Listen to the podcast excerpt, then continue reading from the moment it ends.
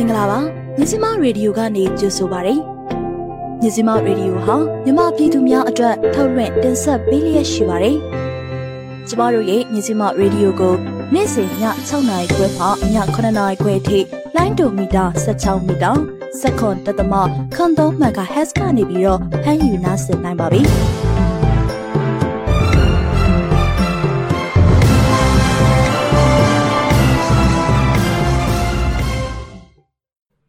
မင်္ဂလာပါရှင်မြန်မာနိုင်ငံသူနိုင်ငံသားတွေဘေးကင်းလုံခြုံပြီးစိတ်ချမ်းသာကိုယ်ကျန်းမာစွာဖြတ်သန်းနိုင်ကြပါစေလို့မြစီမရေဒီယိုအဖွဲ့သူအဖွဲ့သားတွေကဆုတောင်းမြတ်တာပို့လိုက်ရပါတယ်။ကျမကတော့အစီအစဉ်တင်ဆက်သူမူပါ။ မြစီမရေဒီယိုရဲ့သတင်းတွေကိုကျမမှုနဲ့အတူမဝေရန်မှုမြင့်ကပါတင်ဆက်ပေးမှာပါ။ဒီနေ့ရရဲ့သတင်းတွေကတော့စစ်ကောင်စီတပ်စခန်းနှစ်ခုကို KIA တိုက်ခိုက်သိမ်းပိုက်တဲ့သတင်း။ချောင်းခွနဲ့နှက်ချောင်းရွာတိုက်ပွဲတွေမှာစစ်ကောင်စီတပ်သား36ဦးသေဆုံးပြီးအများအပြားဒဏ်ရာရဟုဆိုတဲ့တဲ့လေးကီကော်ကိုစစ်ကောင်စီကလေကြောင်းမှတိုက်ခိုက်ပြီးဒေသခံအများအပြားထိုင်းနိုင်ငံဘက်ကိုညတွင်ချင်းထွက်ပြေးရတဲ့တဲ့ ဘိတ်တဝဲပြည်တော်စုလမ်းမပေါ်မှာခီးတဲ့တင်လိုင်းကားတွေပြစ်ခတ်ခံရတဲ့တဲ့ဖားကန့်မော်စီစာရွာမြေပြိုမှုပျောက်ဆုံးရုပ်အလောင်းလေးလောင်းတွေ့ထားပြီးကယ်ဆယ်ရေးလုပ်ငန်း9ရက်လုပ်မယ်ဆိုတဲ့တဲ့စစ်ကောင်းဆောင်နဲ့တွေ့ဆုံတဲ့ကာဒီနယ်ချာ့စ်ဘိုကိုရှုံချကြောင်းကက်သလစ်ကိုရဲအဖွဲ့ထုတ်ပြန်နေတဲ့စတဲ့သတင်းတွေကိုတင်ဆက်ပေးသွားမှာပါ။သတင်းတွေကိုနားဆင်ပြီးရင်တော့စီးပွားရေးသတင်းတွေနိုင်ငံတကာသတင်းတွေကျန်းမာရေးအစီအစဉ်နဲ့ BNI အစီအစဉ်တွေကိုနားဆင်ရဖို့ရှိပါတယ်ရှင်။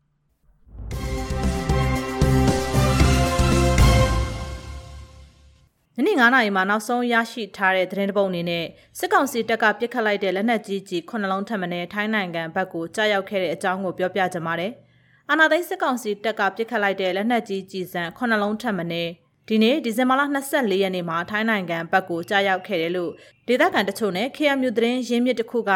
မစ္စည်းမကိုအတည်ပြုပါတယ်။ဘန်လိုက်ဆိုတဲ့ရွာနဲ့လှမ်းနဲ့တောင်ရထဲမှာကြာပါတယ်။ မဲဆောက်မြို့နယ်ထဲမှာပဲမဲထော်တလီနဲ့ဆိုမျက်စောင်းထိုးလောက်လို့ပြောလို့ရပါတယ်ခုနှစ်လုံးလောက်ရှိနေပါပြီအိုင်နာတဝိုက်မှာပဲကြာတာလို့ KMU သတင်းရင်းမြစ်ကဒီနေ့နေ့လယ်ပိုင်းမှာပြောပါတယ်ပြီးခဲ့တဲ့ရက်ပိုင်းကလည်းစစ်ကောင်စီတပ်ကပစ်ခတ်လိုက်တဲ့လက်နက်ကြီးကြီးကြားရောက်ခဲ့တာကြောင့်ထိုင်းနိုင်ငံဘက်ကမိโกဘုံနဲ့ပြန်လဲပစ်ခတ်သတိပေးခဲ့ပေမဲ့လည်းဒီနေ့ဒီဇင်ဘာလ24ရက်နေ့မှာတော့ပြန်လဲတုံ့ပြန်တာမရှိသေးဘူးလို့သူကဆိုပါတယ်။ ထိုင်းစံတော်ချိန်မနက်10:00နာရီခွဲလောက်မှာလေကီကွန်နဲ့မဲထော်တလေးဒေတာကိုစစ်ကောင်စီတပ်သုံးလေရင်တစင်းလာရောက်ကင်းထောက်ခဲ့ပြီးတော့12နာရီ15လောက်မှာလက်နက်ကြီးလက်နက်ငယ်ပစ်ခတ်တံတွေစတင်ကြားရတာလို့မဲဆောက်ဘက်ကမ်းမှာရှိတဲ့ဒေသခံတအူးကပြောပါတယ်။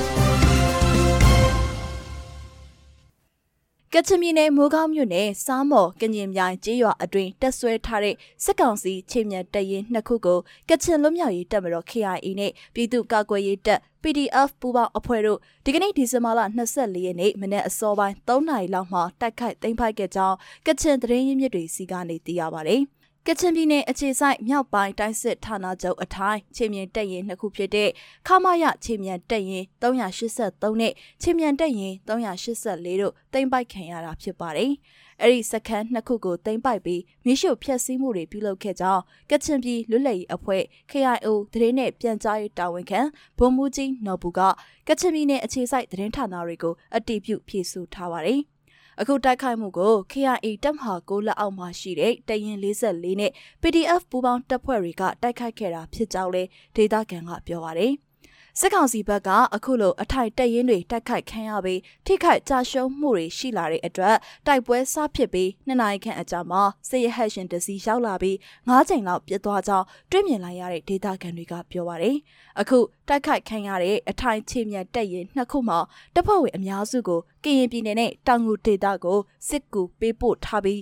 နောက်ချန်တပ်ဖွဲ့ဝင်အချို့သာထားရှိခဲ့ခြင်းဖြစ်တယ်လို့အမည်မဖော်လိုတဲ့စစ်သည်တရင်ရင်းမြစ်တွေထံကနေသိရပါတယ်။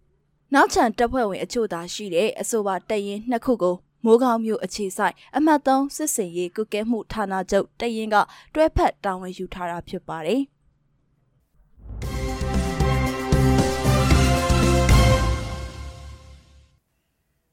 စကိုင်းတိုင်းကလေးမြို့နယ်ချောင်းကွကြေးရွာနဲ့နတ်ချောင်းကြေးရွာတွေအနီးကိုထိုးစစ်ဆင်လာတဲ့စစ်ကောင်စီတပ်နဲ့ဒေသခံပြည်သူ့ကာကွယ်ရေးတပ်တွေဖြစ်တဲ့ CMDF ကလေးတပ်မဟာ PDF ကလေးပူးပေါင်းတပ်ဖွဲ့တို့ဒီဇင်ဘာလ23ရက်နေ့မှာတိုက်ပွဲဖြစ်ပွားခဲ့ရမှာစစ်ကောင်စီတပ်သား36ဦးသေဆုံးပြီးတော့အများအပြားဒဏ်ရာရရှိသွားတယ်လို့ချင်းမျိုးသားဖွဲ့ချုပ်ကတိုက်ပွဲသတင်းထုတ်ပြန်ချက်မှာဖော်ပြထားပါတယ်။မိမိတို့ CMDF ကလေးတပ်မဟာနဲ့ PDF ကလေးပူးပေါင်းတပ်ဖွဲ့တွေကခုခံတိုက်ခိုက်ခဲ့ရမှာတနေကုန်နီးပါးအပြန်အလှန်ပစ်ခတ်မှုဖြစ်ပွားခဲ့ပြီး အဲ့ဒီတိုက်ပွဲမှာအကြမ်းဖက်စစ်ကောင်စီတပ်ဖက်က36ဦးသေဆုံးက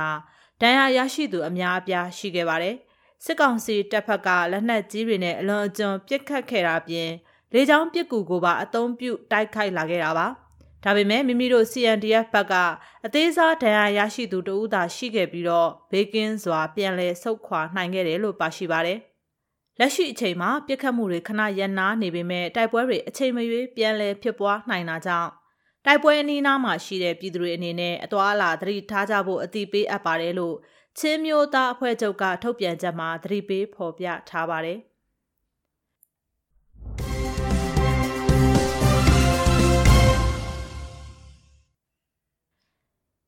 လေကိတ်ကော်ကိုစစ်ကောင်စီလေကြောင်းကမင်းညကတိုက်ခိုက်ခဲ့ရမှာဒေသခံအများအပြားထိုင်းနိုင်ငံဘက်ကိုညာရင်းချင်းထွက်ပြေးခဲ့ကြရပါတယ်။က ရင်ပြည်နယ်မြဝတီမြို့တောင်ဘက်မှာရှိတဲ့လေးကိတ်ကော်ဒေသကိုဒီဇင်ဘာလ23ရက်နေ့မနေ့ညအချိန်ကအာနာသိန်းစစ်ကောင်စီတပ်ကလေကြောင်းကနေတိုက်ခိုက်ခဲ့တာကြောင့်ဖလူးနဲ့မင်းလက်ပံဒေသခံအများအပြားဟာညာရင်းချင်းမှာပဲတောင်ရင်မြစ်ကိုကူးဖြတ်ပြီးထိုင်းနိုင်ငံဘက်ကိုထွက်ပြေးတိမ်းရှောင်ခဲ့ကြရတယ်လို့ဒေတာရင်းသတင်းအရင်းမြစ်တွေကပြောပါတယ်။ဒီဇင်ဘာလ23ရက်မနေ့ည10:00နာရီခွဲဝန်းကျင်ကလေးကိတ်ကော်ဒေသကိုတိုက်လျင်နဲ့အနည်းဆုံး3ချိန်လောက်ဘုံကျဲတိုက်ခိုက်ခဲ့တာအပြင် လက်နက်ကြီးတွေနဲ့လည်းပစ်ခတ်တိုက်ခိုက်ခဲ့တယ်လို့သတင်းရင်းမြစ်ကပြောဆိုပါတယ်။လေရင်နဲ့လာပစ်တာ၃ချိန်လောက်ရှိခဲ့ပါတယ်။နောက်ပြီးတော့လက်နက်ကြီးတွေနဲ့ပါပစ်ပါတယ်။ပြစ်တော့ရွာသားတွေညရင်းချင်းအရေးပေါ်ထွက်ပြေးကြရပါတယ်။အခုမနက်ပိုင်းအထိလည်းထွက်ပြေးနေကြတော့ပဲလို့ကြားကြောင်းသတင်းရင်းမြစ်ကဆိုပါတယ်။လေကြောင်းတိုက်ခိုက်မှုကြောင့်ညရင်းချင်းထွက်ပြေးခဲ့ရတဲ့စစ်ဘေးဒုက္ခသည်တွေကိုထိုင်းအာဏာပိုင်တွေကအစာပိုင်းမှာဝင်ခွင့်မပေးခဲ့ပေမဲ့လည်းညတကောင်ရံမတိုင်မီမှာဝင်ခွင့်ပြုလိုက်တယ်လို့ ဒေသအခြေဆိုင်ကရင်မျိုးသားမီဒီယာကရေးသားထားပါတယ်။ည10နာရီခွဲအချိန်မှာစစ်ကောင်စီဘက်ကလေရင်နှစ်စီးနဲ့နှစ်ကြိမ်တိုင်တိုင်လာရောက်ဘုံကျဲတိုက်ခိုက်တာတွေလုပ်ခဲ့ပေမဲ့လည်း KNN နဲ့ပူးပေါင်းတပ်ဖွဲ့ဝင်တွေဟာတစုံတရာထိခိုက်ကြဆုံးသူမရှိဘူးလို့လေကိတ်ကော်မျိုးတစ်တာဝန်ရှိသူတဦးကဒီနေ့မနက်ပိုင်းမှာမြစည်းမကိုအတီးပြုပြောပါတယ်။မနေ့ညချိန်ကစစ်ကောင်စီကလေကိတ်ကော်ဒေသကိုတိုက်လျင်နဲ့လာရောက်ဘုံကျဲတာတွေအပြင်စစ်ကောင်စီအမြောက်ကုန်းဘက်ကလည်း မေထော်တလေးနဲ့အင်ဇင်းမြိုင်ကြီးရွာဘက်ကိုလက်နက်ကြီးတွေနဲ့အချက်20ထက်မနည်းပစ်ခတ်တိုက်ခိုက်မှုတွေလုပ်ခဲ့ပါတယ်။လေကြောင်းကလာတယ်လာပြီးတော့၄၅ဘက်လောက်ပတ်သွားပြီးနောက်ဆုံးမှမှကျဲသွားတာပါ။နှလုံးကျသွားပါတယ်။ကျွန်တော်တို့ဘက်ကတော့အထီးအခိုက်မရှိပါဘူး။အဓိကကတော့တောင်ကုန်းတွေကိုကျဲချသွားတာပါလို့လေကစ်ကောမြို့တစ်တာဝန်ရှိသူကပြောပါတယ်။လေကိတ်ကော်ဒေတာမှာဒီဇင်ဘာလ24ရက်ဒီနေ့မနက်ပိုင်းအထိနှစ်ဖက်ပြစ်ခတ်တိုက်ခိုက်မှုမရှိပေမဲ့လည်းစစ်ကောင်စီဘက်က စစ်ကောင်စီဘက်ကလက်နက်ကြီးတွေနဲ့တောက်လျှောက်ပစ်ခတ်မှုတွေလုပ်နေဆဲဖြစ်တယ်လို့ဒေတာတွင်အရင်းမြစ်ကပြောပါတယ်။မင်းညကအာနာသိန်းစစ်ကောင်စီတပ်ရဲ့တိုက်ခိုက်မှုတွေကြောင့်ဖလူးလက်ပံနဲ့အင်ဂျင်မြိုင်ဘက်ကဒေသခံဥယေတထောင်လောက်ဟာညာရင်းချင်းတောင်ရင်မြစ်ကိုကူးဖြတ်ပြီးထိုင်းနိုင်ငံဘက်ကိုထွက်ပြေးတိမ်းရှောင်ခဲ့ကြရတာပါ။တိုက်ပွဲအခြေအနေကတော့ဒီထက်ဆိုးလာနိုင်ပါတယ်။သူတို့ဘက်ကလေကြောင်းပစ်ကူလာပြီးဆိုရင်တော့ကျွန်တော်တို့ဘက်ကလည်းအစင်သက်မှာပဲဘာမှ queue ဆိုင်နေမှာမဟုတ်ပါဘူး။လေကြောင်းကိုပြန်ပြီးဖြိုခွင်းဖို့အတွက်လုပ်နေပါတယ်လို့ လေကိတ်ကောင်မြို့တစ်အုပ်ချုပ်ရေးပိုင်းတာဝန်ရှိသူကပြောပါတယ်။ငင်းငယ်မြို့တော်လို့တင်စားခေါ်တဲ့လေကိတ်ကောင်မြို့တင်မှာဒီဇင်ဘာလ15ရက်နေ့ကစတင်ပြီးတော့နေမြေကန်ကန်နယ်ပူးပေါင်းတပ်ဖွဲ့ဝင်တွေနဲ့အာနာသိန်းစစ်ကောင်စီတပ်တို့အကြားတိုက်ပွဲတွေပြင်းပြင်းထန်ထန်ဖြစ်ပွားနေတာဖြစ်ပြီးတော့တိုက်ပွဲရှေ့ရမြောက်နေ့မှာစစ်ကောင်စီဘက်ကလေကြောင်းတိုက်ခိုက်မှုကိုစတင်လာတာဖြစ်ပါတယ်။တိုက်ပွဲအရှိန်မြင့်လာနေတဲ့လေကိတ်ကောဒေသမှာကြီးမားတဲ့လူခွင့်ရေးချိုးဖောက်မှုတွေဖြစ်ပေါ်လာနိုင်တာကြောင့် လေကြောင်းပြန်တမ်းမှုကင်းမဲ့ဆောင်ဖြစ်အရေးပေါ်သတ်မှတ်ပေးဖို့ကုလသမဂ္ဂကိုကရင်မျိုးသားစီယုံ KMU ကဒီဇင်ဘာလ20ရက်နေ့နဲ့ယမန်နေ့ကတကြိမ်ထပ်မံတောင်းဆိုထားပါတယ်။လေကိကောတိုက်ပွဲကြောင့်မြန်မာစစ်ဘေးဒုက္ခသည်1000ကျော်အထိရှိလာနေပြီးတော့ထိုင်းနိုင်ငံဘက်ချမ်းမဲဆောက်မြို့အနီးမှာရှိတဲ့မဲတောင်ကန်ကြီးရွာနဲ့မဲကုတ်ကင်းကြီးရွာတွေမှာယာယီစစ်ဘေးရှောင်စခန်းနှစ်ခုဖွင့်လှစ်ပြီးတော့ထိုင်းအာဏာပိုင်တွေကခိုလုံခွင့်ပြုထားပါတယ်။ စစ်ကောင်စီတပ်ရဲ့လေကြောင်းတိုက်ခိုက်မှုကြောင့်မင်းညကညာရင်းချင်းထွက်ပြေးတိမ်းရှောင်ကြရတဲ့စစ်ဘေးဒုက္ခတွေအတွက်အနှွေးတဲ့အဝတ်အထည်စောင်းတခြားစားနပ်ရိက္ခာတွေအရေးပေါ်လိုအပ်နေတယ်လို့လည်းစစ်ဘေးဒုက္ခတွေအရေးကူညီကယ်ဆယ်နေသူတွေကပြောပါတယ်။ကရင်မျိုးသားအစည်းအရုံး KMU ရဲ့ဖာပွန်ခရိုင်တပ်မဟာ9နယ်မြေမှာလည်းပြီးခဲ့တဲ့မတ်လကလေးကအာနာသိန်းစစ်တပ်ကလေရင်တွေနဲ့ဘုံကျဲတိုက်ခိုက်မှုတွေရှိခဲ့ပြီး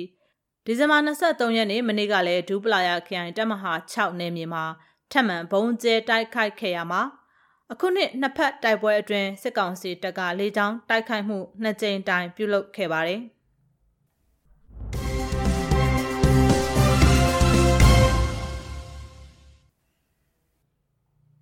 ဗိတ်တဝဲပြည်တော်စုလမ်းမပေါ်မှာခီးတဲ့တင်လိုက်ကမြောင်ပြစ်ခတ်ခံရ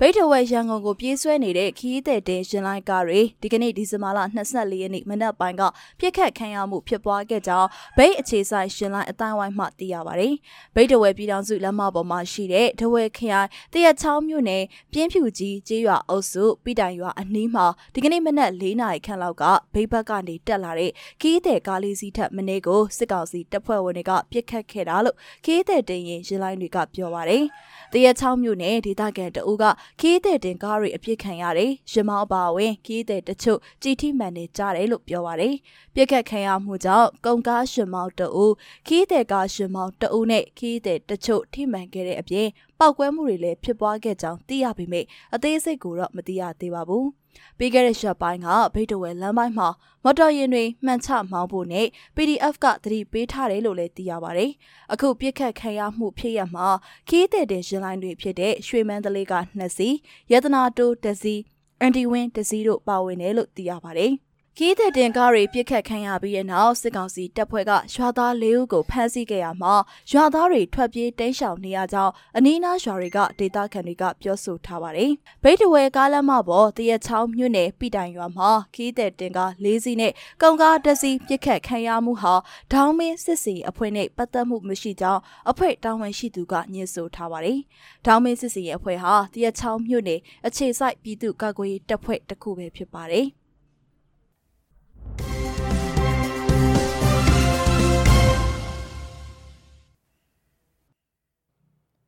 ဖကတ်မော်စီစာရွာမြေပြိုကျမှုပျောက်ဆုံးရုပ်အလောင်း၄လောင်းတွေ့ရှိထားပြီးတော့ကယ်ဆယ်ရေးလုပ်ငန်းကို9ရက်ဆက်ပြီးလုပ်မယ်ဆိုတဲ့သတင်းကိုပြောပြမှာပါ။ရေကန်တွင်စွန့်ပစ်မြေစာပစ်တဲ့နေရာမှာဖြစ်ပွားခဲ့တဲ့မြေပြိုကျမှုမှာပျောက်ဆုံးနေတဲ့ရုပ်အလောင်း၄လောင်းကိုတွေ့ရှိထားပြီးတော့ဒီဇင်ဘာလ25ရက်နေ့အထိကယ်ဆယ်ရေးလုပ်ငန်းတွေကို9ရက်လုပ်မယ်လို့ကယ်ဆယ်ရေးဖွဲ့တွေထံကနေစုံစမ်းသိရှိရပါတယ်။ဒီဇင်ဘာ22ရက်မနက်3နာရီကျော်အချိန်ကဖြစ်ပွားခဲ့တဲ့မြေစာပုံပြိုကျမှုကြောင့် လူဦးရေ80နဲ့100ကြားပျောက်ဆုံးနေပြီးတော့အဲ့ဒီအထက်ကရုပ်လောင်းလေးလောင်းကိုဒီဇင်ဘာလ23ရက်နေ့မှာရှာဖွေတွေ့ရှိခဲ့တာပါပျောက်ဆုံးနေသူတွေကိုရှာဖွေရမှာဒီနေ့ဒီဇင်ဘာလ24ရက်နေ့ဟာ3ရက်မြောက်ရှိပြီဖြစ်ပြီးတော့ရှာဖွေကယ်ဆယ်ရေးလုပ်ငန်းတွေကိုဆက်လက်လုပ်ကိုင်နေဆဲဖြစ်ပါတယ်အဲ့ဒီဖြစ်စဉ်ဖြစ်ပွားချိန်ကရေမစေးကြောက်ရှာဖွေသူဥယေ90လောက်ဟာရေကန်ထဲမှာရှိတဲ့ဖောင်မော်တွေကိုတွေ့တက်လိုက်နိုင်တာကြောင့်အသက်ဘေးကလွတ်မြောက်ခဲ့တယ်လို့လည်းဒေသခံတွေကပြောထားပါတယ်။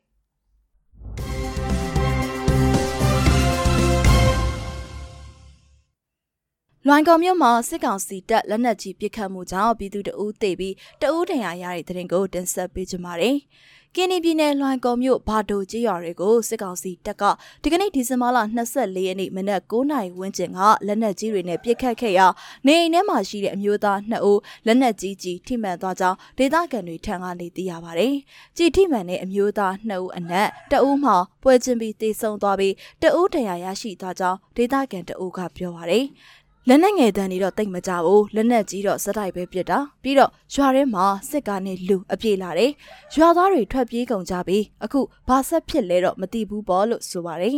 ကင်းနီပြည်နယ်လွိုင်ကော်မြို့ပေါ်မှာအကြမ်းဖက်စစ်ကောင်စီတပ်ကစစ်သုံးရင်တွေအပါအဝင်လက်နက်ကြီးအပြည့်စုံနဲ့ဒီကနေ့မနက်၈နာရီကျော်လောက်မှာစစ်ကြောင်းထိုးပြီးတော့9နာရီဝန်းကျင်လောက်မှာလက်နက်ကြီးတန်းဇက်တိုက်ကြားရကြောင်းဒေသခံတွေထံကနေသိရပါတယ်။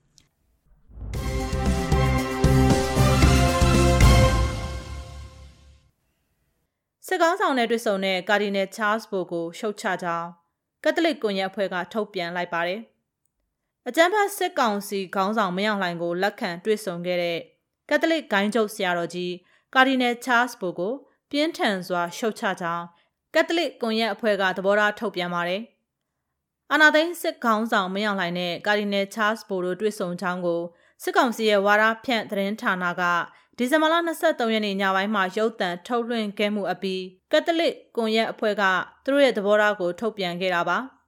တွစ်ဆုံခြင်းသည်မြမပြည်ကက်သလစ်ဘာသာဝင်များအားလုံးနှိပါး၏ဆန္ဒနှင့်ဆန့်ကျင်သည့်အတွက်ကြောင့်ဘာသာဝင်များကိုကိုစားမပြုပါ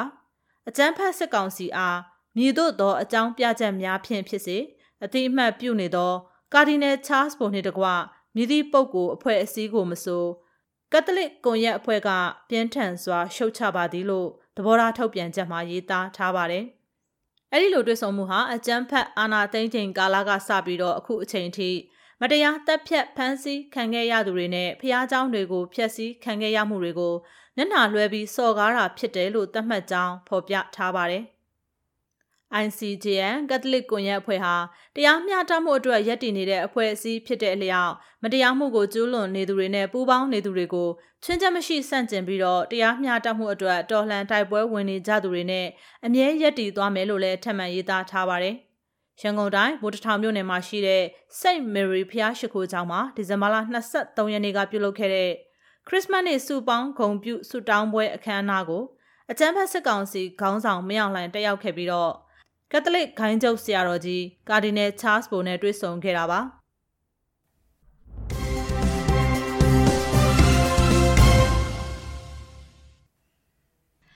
တန်ဃာအတုတွေရဲ့အကြမ်းဖက်နေမှုတွေကိုတားမြစ်ပေးဖို့နိုင်ငံတော်တန်ခမဟာနာယကထံလျှောက်ထား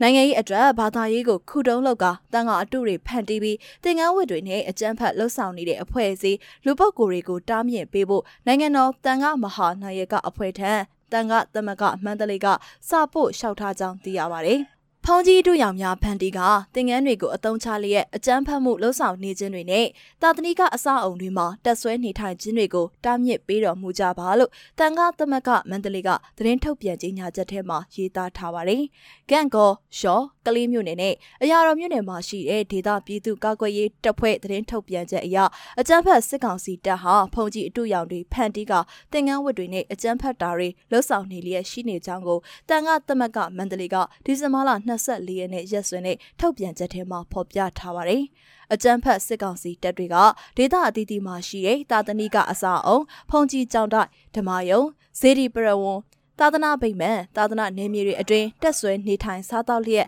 အကြမ်းဖက်မှုတွေကျွလွန်နေကြတာကိုတားမြစ်ပေးဖို့နိုင်ငံတော်တန်ခမဟာနိုင်ငံကအဖွဲ့ထံပေးပို့တဲ့စာထဲမှာရေးသားထားပါတယ်။ဖုန်ကြီးအတူတွေဖန်တီးပြီးသင်္ကန်းဝတ်တွေနဲ့အကြမ်းဖက်လှုပ်ဆောင်နေတာတွေကိုမြည်သည့်အဖွဲ့အစည်းမြည်သည့်ပုဂ္ဂိုလ်ကကျွလွန်သည်ဖြစ်ပါစေသာသနာအရေးမျှော်တွေးတော်မူကြလျက်လှည့်လည်မြဲမြဲတားမြစ်ပေးတော်မူကြပါလို့တန်ခါသမတ်ကမန္တလေးကပြောထားပါတယ်။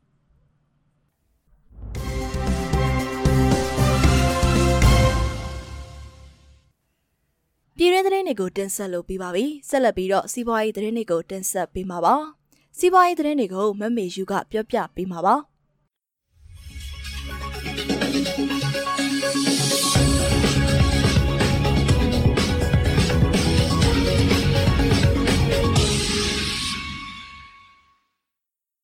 မင်္ဂလာပါရှင်ဒီကနေ့တွေ့ရရှိထားတဲ့စီးပွားရေးသတင်းတွေကိုစတင်နားဆင်ရတော့မှာဖြစ်ပါတယ်ပထမဆုံးအနေနဲ့ပြပအလုပ်ကိုင်များအတွက်စီစစ်မှုတွေဒီနှစ်ကုန်ကစတင်လို့ပို့ပြီးတော့တင်းကျပ်တော့မဲ့သတင်းကိုနားဆင်ရမှာပါပြပကိုအလုပ်သွားရောက်ဖို့ OWIC ပြပအလုပ်အကိုင်အလုပ်သမားတက်သေးကံကတ် တိုက်ရိုက်ခွင့်ပြုခြင်းကိုဒီဇင်ဘာလကုန်အထိပဲခွင့်ပြုတော့မယ်လို့သိရပါတယ်။ဒါ့အပြင်အလုပ်သမားတယောက်ချင်းစီရဲ့ပြပအလုပ်ရှင်ကရရှိထားတဲ့အလုပ်ခေါ်စာကိုလည်းပြပအလုပ်ကိုင်အကျိုးဆောင်လိုင်စင်ရအေဂျင်စီတစ်ခုခုနဲ့ချိတ်ဆက်ပြီးဆောင်ရွက်ရမယ်ဆိုပြီးလည်းအသိပေးကြေညာထားကြောင်းသိရှိရပါတယ်။ 2022ခုနှစ်ဇန်နဝါရီလကစတင်ပြီးတော့ပြည်ပနိုင်ငံတွေကိုအခြေခံအလုပ်သမားအနေနဲ့တွားရောက်မဲ့သူတွေဟာအလုပ်သမားလူဝင်မှုကြီးကြပ်ရေးနဲ့ပြည်သူ့အင်အားဝင်ကြီးဌာနကိုရရှိထားတဲ့အလုပ်ကမ်းလှမ်းလွှာကိုအရင်တင်ရမှာဖြစ်ပြီးတော့ဝင်ကြီးဌာနကနေတဆင့်စီစစ်ပြီးပြည်ပနိုင်ငံကမှန်ကန်ကြောင်းပြန်လည်အကြောင်းကြားမှာပဲ OWIC ရှောက်တဲ့လုပ်ငန်းစဉ်ကိုစတင်ရမှာဖြစ်တယ်ဆိုပြီးလဲပြည်ပအလုပ်ကိုင်ရှာဖွေရေးအင်ဂျင်စီလုပ်ငန်းလုပ်ကိုင်နေတဲ့လုပ်ငန်းရှင်တဦးကပြောကြားပါတယ်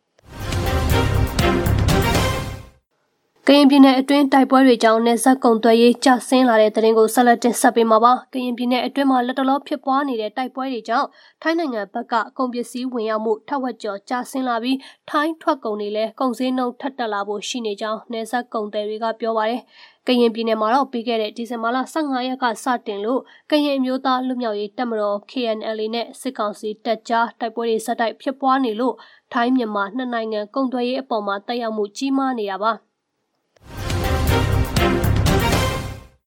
ဆလနာဆီယမကတော့ပထမပုဂ္ဂလိကဘဏ်ဟာအမျက်ဝေစုခွဲဝေမပေးနိုင်တဲ့ဒုတိယမြောက်ရန်ကုန် Stock Exchange စရင်ဝင်အများပိုင်ဘဏ်ဖြစ်လာတဲ့တဲ့တင်ကိုနားဆင်ရမှာပါရန်ကုန် Stock Exchange YSX စရင်ဝင်အများပိုင်ဘဏ်တစ်ခုဖြစ်တဲ့ပထမပုဂ္ဂလိကဘဏ်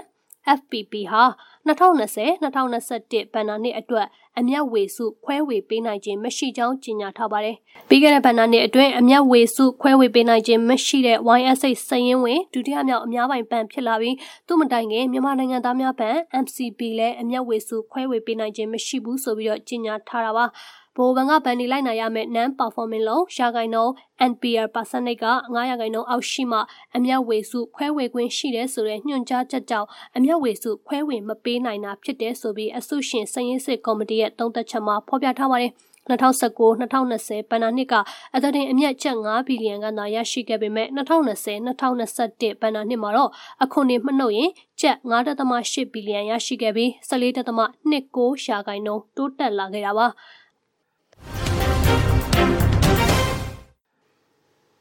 ဆလနာဆင်ရမှာကတော့စစ်ကောင်စီကနေကျင်းပတဲ့ကြောက်မြက်ပြပွဲမှာပလဲအတွဲ330နဲ့ကြောက်စိမ့်အတွဲ622တွဲရောင်းချထားတဲ့တရင်ပဲဖြစ်ပါတယ်။2021ခုနှစ်ပလဲအတွဲများနဲ့ကြောက်စိမ့်အတွဲများပြသရှောင်းချပွဲကိုနေပြည်တော်မှာဒီဇင်ဘာလ18ရက်နေ့ကနေပြီးဒီဇင်ဘာလ22ရက်အထိပြသရှောင်းချနေပါတယ်။အဲဒီပြပွဲအတွင်း ပလဲအတွဲပေါင်း330နဲ့ကြောက်စိမ့်အတွဲ980ကိုပြသရောင်းချပေးခဲ့ရမှာပလဲအတွဲပေါင်း330နဲ့ကြောက်စိမ့်အတွဲပေါင်း622တွဲကိုရောင်းချပေးနိုင်ခဲ့တယ်ဆိုပြီးသိရပါတယ်။ မြန်မာနိုင်ငံမှာယူရိုငွေကျပ်ငွေတို့နဲ့ရောင်းချတဲ့ကြောက်စိမ့်နဲ့ကြောက်မြက်အယောင်ပြပွဲတွေကိုနှစ်စဉ်ကျင်းပလေ့ရှိတာဖြစ်ပြီးအရသာအစိုးရလက်ထက်2019-2020နှစ်လယ်ကြောက်မြက်ပွဲမှာယူရို439တန်းကျော်ကျပ်ငွေနဲ့ရောင်းချတဲ့ပွဲကနေကျပ်တန်း49360ကျော်ရရှိထားကြောင်းမြန်မာကြောက်မြက်ရတနာလုပ်ငန်းရဲ့ထုတ်ပြန်ချက်အရသိရှိရပါတယ်။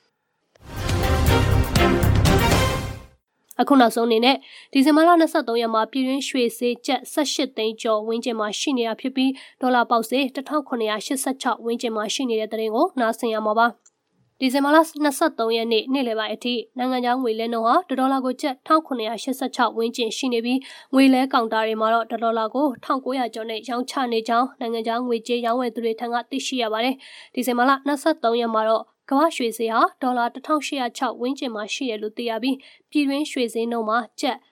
18သိန်း15000ဝန်းကျင်ကိုရောက်ရှိလာကြောင်းရွှေရောင်းဝယ်သူတွေထံကနေပြီးတော့သိရှိရပါတယ်ရှင်။ဒီကနေ့အတွက်စီးပွားရေးအစီအစဉ်တွေကတော့ဒီလောက်ပါပဲ။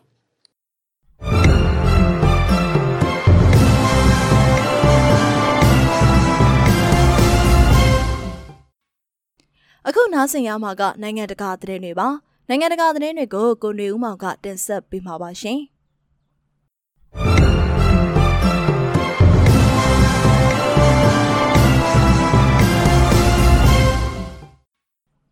ယူကရိန်းမှာကြီးမားတဲ့စစ်ရေးတင်းမာမှုများကြောင့်အနောက်နိုင်ငံတွေရဲ့စိုးရိမ်မှုများမြင့်တက်လာချိန်မှာနေတိုးရဲ့အရှိတ်သို့တိုးချဲ့မှုကိုတားဆီးဖို့ရုရှားရဲ့လုံခြုံရေးအဆိုပြုချက်အပေါ်ဝါရှင်တန်ကဆွေးနွေးဖို့ဆန္ဒရှိကြောင်းသမ္မတဗလာဒီမီယာပူတင်ကဒီဇင်ဘာလ23ရက်ကြာသပတေးနေ့ကပြောကြားခဲ့ပါတယ်။ ရုရှားဟာပြီးခဲ့တဲ့သတင်းပတ်ကအမေရိကန်နဲ့နေတိုးအားအဆိုပြုချက်မူကြမ်းများတင်ပြခဲ့ပြီးယူကရိန်းနဲ့ပတ်သက်လို့တင်းမာမှုတွေတိုးလာမှုလျော့ပါးရေးအတွက်၎င်းတို့ရဲ့တောင်းဆိုချက်တွေကိုအကျဉ်းချုပ်ဖော်ပြခဲ့ပါတယ်။ နေတိုးဘက်ကစစ်ဖက်မာမိတ်အဖွဲ့အတွင်းအဖွဲ့ဝင်အသစ်များကိုဝင်ခွင့်မပြုဖို့နဲ့ဆိုဗီယက်နိုင်ငံဟောင်းတွေမှာစစ်အခြေစိုက်စခန်းတွေမထားရှိဖို့တောင်းဆိုထားကြောင်းအဆိုပါစာရွက်စာတမ်းများအရာသိရှိရပါတယ်။အရှိဘက်ကိုနေတိုးအဖွဲ့ရဲ့တိုးချဲ့မှုမလုပ်ရဘူးလို့ပူတင်က၎င်းရဲ့နှစ်ကုန်ပိုင်းသတင်းစာရှင်းလင်းပွဲအတွင်းသတင်းတောက်တွေကိုပြောကြားခဲ့ပါတယ်။ဆုံးဖြတ်ဖို့သူတို့ကိုပြောထားတယ်။ကျွန်တော်တို့ကိုအဖြေတစ်ခုပေးဖို့လိုတယ်လို့ပူတင်ကဆိုပါတယ်။ရေဘူးရအားဖြင့်တော့အပြုသဘောဆောင်တဲ့တုံ့ပြန်မှုကိုကျွန်တော်တို့မြင်ပါတယ်လို့ဆက်လက်ပြောကြားခဲ့ပါတယ်။ ဒီအတွက်ဆွေးနွေးပွဲကိုလာမယ့်နှစ်အစပိုင်းမှာဂျနီဗာမှာစတင်ဖို့အသင့်ဖြစ်နေပြီလို့အမေရိကန်ရဲ့လုပ်ဖော်ကင်ဘက်တွေကပြောထားပါတယ်လို့ပူတင်ကပြောကြားခဲ့ပြီးနှစ်ဖက်စလုံးကိုယ်စားလှယ်တွေခန့်အပ်ထားပြီးပြီလို့ဆက်ပြောပါတယ်ရုရုရှားရဲ့အလန်းကျဲတဲ့တောင်းဆိုချက်တွေကိုအမေရိကန်ဥဆောင်တဲ့မဟာမိတ်အဖွဲ့ဝင်အများပြားကပယ်ချခဲ့ပါတယ်။ ဝါရှင်တန်ကဆွေးနွေးဖို့လမ်းဖွင့်ထားပေမဲ့မော်စကိုရဲ့အဆိုပြုချက်တွေနဲ့ပတ်သက်ပြီးအသေးစိတ်တုံ့ပြန်ချက်မထုတ်ပြန်သေးပါဘူး2014ခုနှစ်ကခရိုင်းမီးယားကိုသိမ်းပိုက်ပြီးမကြာမီကတည်းကရုရှားလိုလားတဲ့ခွဲထွက်ရေးသမားတွေကိုတိုက်ခိုက်နေတဲ့ယူကရိန်းအရှေ့ပိုင်းနယ်စပ်တစ်လျှောက်မှာရုရှားကတပ်ဖွဲ့တွေအစုလိုက်ပြုံလိုက်အင်အားချထားနေတယ်လို့အနောက်နိုင်ငံအစိုးရတွေကဆွတ်ဆွဲထားပါတယ်ဟောင်ကောင်ရဲ့ တက်တန်းအရှိဆုံးတက္ကသိုလ်မှာရှိတဲ့ TMN ရင်ပြင်မှာဒီမိုကရေစီဆန္ဒပြသူတွေကိုဖြိုခွင်းခဲ့တဲ့1989ခုနှစ်အထိမ်းအမှတ်ရုပ်ထုကိုဒီဇင်ဘာလ23ရက်ကြာသပတေးနေ့ကဖယ်ရှားခဲ့ပြီးတရုတ်နိုင်ငံတောင်ပိုင်းမြို့ကသဘောထားကွဲလွဲမှုတွေကိုနှုတ်ပိတ်ဖို့ကြိုးစားမှုရဲ့နောက်ထပ်ခြေလှမ်းဖြစ်ပါတယ်။ ညအချိန်လှုပ်ဆောင်ခဲ့တဲ့အဆိုပါလုပ်ရက်ကိုဟောင်ကောင်ဒီမိုကရေစီတက်ကြွလှုပ်ရှားသူတွေကရှုံချခဲ့ပြီး TMN လူသက်ပွဲကလွတ်မြောက်ခဲ့တဲ့ចောင်းသားကောင်းဆောင်တူကဒါဟာဆက်ဆုပ်စရာကောင်းတဲ့လုပ်ရက်ဖြစ်တယ်လို့ဆိုပါတယ်ဂျန်ကာရှီယော့ရဲ့ရှစ်မီတာအမြင့်ရှိပြီးရှက်ဖွယ်မှတ်တိုင်လို့အမည်ပေးထားတဲ့အဆိုပါဗပုလက်ရာကို ဗြိတိရှကိုလိုနီဘဝကနေတရုတ်ကိုပြန်လည်လွှဲပြောင်းပေးခဲ့တဲ့1998ခုနှစ်ကတည်းကဟောင်ကောင်တက္ကသိုလ် HKU ကျောင်းဝင်းအတွင်းမှာစိုက်ထူထားရှိခဲ့ပါတယ်။အဆိုပါရုပ်တုမှာတုံလုံးခြောက်ချားနေတဲ့မျက်နာတွေနဲ့နှိပ်စက်တက်ပြတ်ခံထားရတဲ့ရုပ်အလောင်း90ကိုစုပုံထပ်ထားတဲ့ဟန်တရုတ်ဖော်ထားတာဖြစ်ပြီး1989ခုနှစ်က TMN ရင်ပြင်တဝိုက်မှာတရုတ်စစ်တပ်ရဲ့တပ်ဖြတ်ခြင်းခံခဲ့ရတဲ့ဒီမိုကရေစီအရေးဆန္ဒပြသူတွေအတွက်အထိတ်အမှတ်ထုလုပ်ထားတာဖြစ်ပါတယ်။ ဒီရုပ်တုရှိနေခြင်းက TMN ကအဖြစ်ပြက်တွေကိုပြင်းပြင်းထန်ထန်ပိတ်ပင်ထားတဲ့တရုတ်ပြည်မကြီးနဲ့နှိုင်းယှဉ်ရင်ဟောင်ကောင်ရဲ့လွတ်လပ်မှုကိုထင်သာမြင်သာရှိစေခဲ့ပါတယ်။ဒါပေမဲ့ဘေကျင်းဟာလွန်ခဲ့တဲ့နှစ်နှစ်ခန့်ဒီမိုကရေစီဆန္ဒပြပွဲတွေအပြီးမြို့တော်ကို၎င်းရဲ့အာဏာရှင်ပုံသဏ္ဍာန်အတိုင်းပြန်လည်ပုံဖော်နေပြီး TMN အထိမ်းအမှတ်အားလုံးကိုတရားမဝင်အဖြစ်တင်းကျပ်စွာပိတ်ပင်ထားပါတယ်။အော်တိုဘာလအတွင်းမှာ အဆိုပါရုပ်တုကိုအတိမပြုသေးတဲ့ဥပဒေအသစ်ကိုကိုးကားပြီးတက်တိုတာဝန်ရှိသူတွေကဖယ်ရှားဖို့အမိန့်ပေးခဲ့ပြီးကြာသပတေးနေ့နနက်အစောပိုင်းမှာဖယ်ရှားပစ်ခဲ့တာဖြစ်ပါတယ်။